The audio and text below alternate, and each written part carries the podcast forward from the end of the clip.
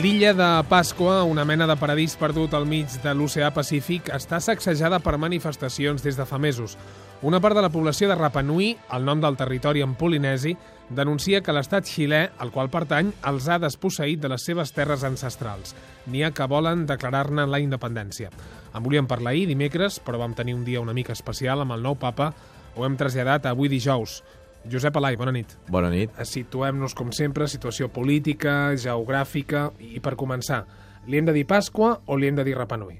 Sí, eh, depèn. En aquest sentit, els habitants eh, originaris d'aquesta illa eh, l'anomenen Rapanui, en la seva llengua, que és una llengua polinèsia, que vol dir la gran illa de Rapa, mentre que els europeus, o els, aquells que són d'origen europeu, com els actuals xilens, l'anomenen Illa de Pasqua, i així ha passat a totes les llengües no polinèsies, eh? en anglès Eastern Island, etc etc. Mm. Per què li diuen Pasqua? Doncs senzillament perquè un navegant holandès del 1722 va arribar a les costes d'aquesta illa, aquest senyor es deia Jacob Rogeven, però com va arribar a, aquesta, a les costes de l'illa el dia de Pasqua de Setmana Santa, el 5 d'abril de 1722, doncs van acabar batejant-la d'aquesta manera els europeus, Illa de Pasqua. I aquest nom ha arribat posteriorment amb la colonització, en aquest cas xilena. És una illa que es troba en el Pacífic Sud a uns 3.800 quilòmetres a l'oest de la costa de Xile, uh -huh. per tant, al mig d'aquest immens uh, Pacífic, enmig, enmig, sí. i que fa, és un dels vèrtex del que s'anomena el Triangle Polinesi, constituït per Hawaii, al nord, per uh, Nova Zelanda a l'est, els maoris són un poble polinesi, i finalment la illa de Pasqua a l'oest. Totes les illes que hi ha a l'interior, algunes d'elles doncs, tan conegudes com Tahití, la Polinèsia francesa, són un conjunt d'illes que s'estenen en una, en una superfície enorme en el Pacífic, però que comparteixen trets culturals molt similars i, a més a més, unes llengües que són família directa, que constitueixen una sola família. Per tant, hi ha un sentiment de constituir un sol poble. Són unes illes que, a casa nostra, doncs, eh, són a vegades més famoses per aquestes, les illes de Polinèsia, no? per aquesta imatge paradisíaca, però que sovint està molt aïllada del que és la realitat de les poblacions que viuen aquí. I en el cas concret de l'illa de Pasqua, doncs, hi ha un conflicte eh, clar mm, que perdura durant durant segles entre la població originària i la població colonitzadora procedent, en aquest cas, del continent americà. Mm, Permeteu-me dir només un parell de detalls importants. Eh, és una cultura molt rica, molt desenvolupada. Eh, recordem els 887 moais, que són aquelles escultures sí. enormes -huh. que semblen representar els ancestres dels habitants de Rapanui, que envolten tota la illa al llarg de la costa, i algun altre detall important com eh, l'escriptura que van fer servir també fins a finals del segle XIX, que és el que s'anomena l'escriptura rongo-rongo, que és una escriptura pròpia d'aquests habitants originaris de l'illa de Pasqua i que avui en dia ningú ha estat capaç de xifrar. És a dir, és una de les poques escriptures que queden al món que encara no podem llegir actualment. I com és que és territori xilè?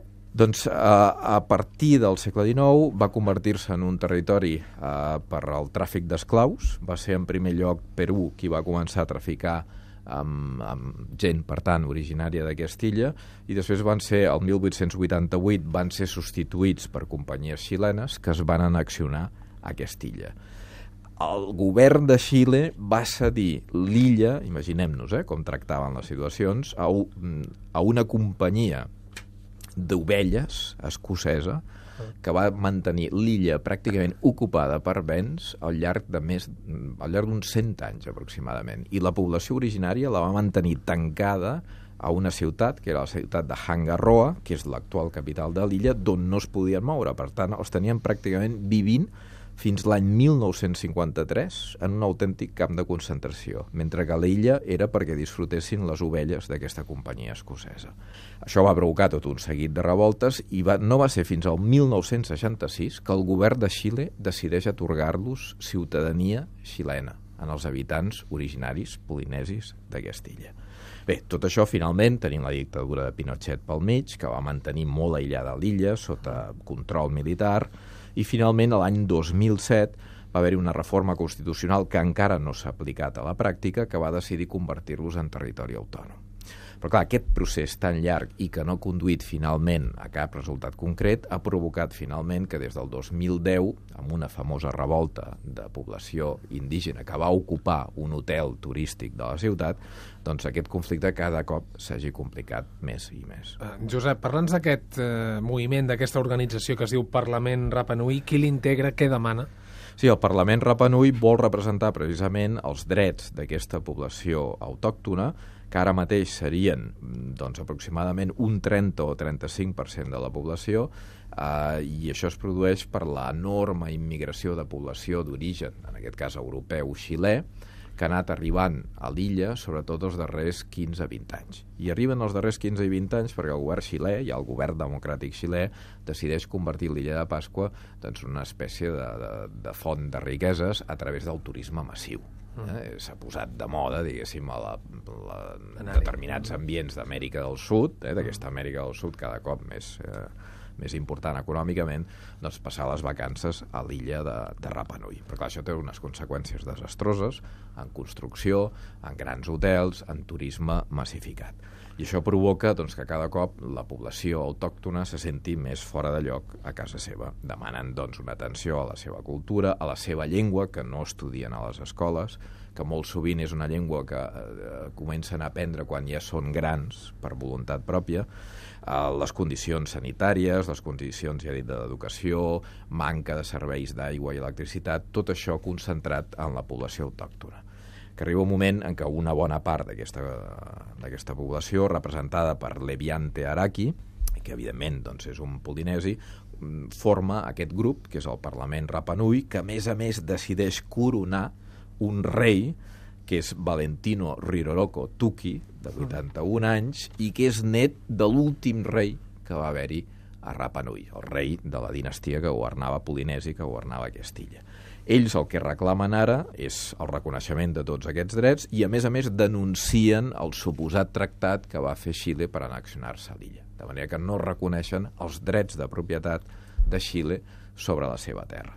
I això ha conduït darrerament fins i tot una part d'aquest moviment, i això ho publicava el Le Monde fa tan sols ah. un, un mes, es comencen a mirar amb més simpatia la Polinèsia francesa, la illa de Tahití, perquè veuen que en allà França doncs, actua d'una forma molt més, eh, amb molta més cura cap a la població autòctona, o inclús Nova Caledònia, que no és Polinèsia, que està una mica més allunyada, però també està en el Pacífic, on fins i tot França els hi reconeix el dret a l'autodeterminació, i al cap i a la fi, l'illa de Pasqua està tan lluny de Xile com de l'illa de Tahití. I per tant una part d'aquest moviment diu si no podem ser independents, potser que demanem l'annexió a França és el que s'amaga darrere d'aquest paradís aparent de l'illa de Pasqua de Rapa Nui. Josep Alai, moltes gràcies. Tornem a parlar d'aquí unes setmanes. Bona nit. Bona nit, gràcies a vosaltres.